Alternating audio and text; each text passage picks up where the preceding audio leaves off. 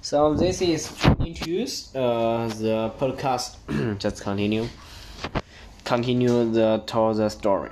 well, Well, two people will were willing to fight for Magnus Corey. They did not know what is wrong with her, they did not know why she had been born that way, but they know he needed help, their love was stronger than beliefs and fears in their village.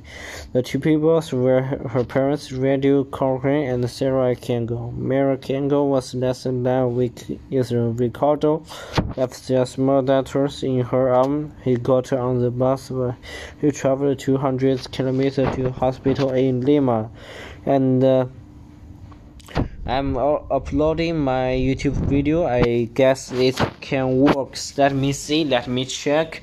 Yeah, it can work. It can work. Uh, the five YouTube videos and uh, Miss Jones will check it.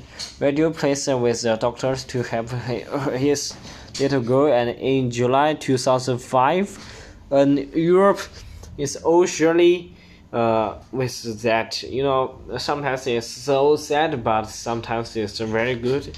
I just talk about the uh the ted you know very it's very it's very nice uh, presentation. So let's just start. I will talk about this.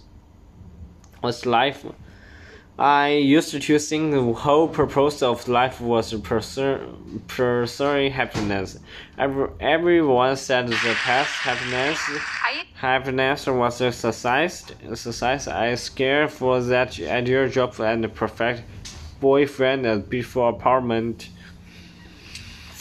But instead of everything fulfilled, I felt exhausting and defeated, and I was alone. My boys and stressed with this two experiments. I decided to go into graduate school for positive.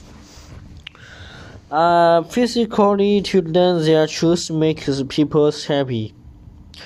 And I discovered there changed my life. The data, the data showed the showed the choosing happiness can make people unhappy.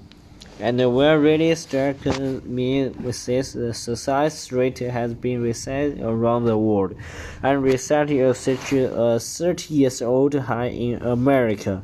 So that means it's very high person. Every those life is getting objected better than nearly every contestable standard and uh, more people feel hopeless, despair and alone.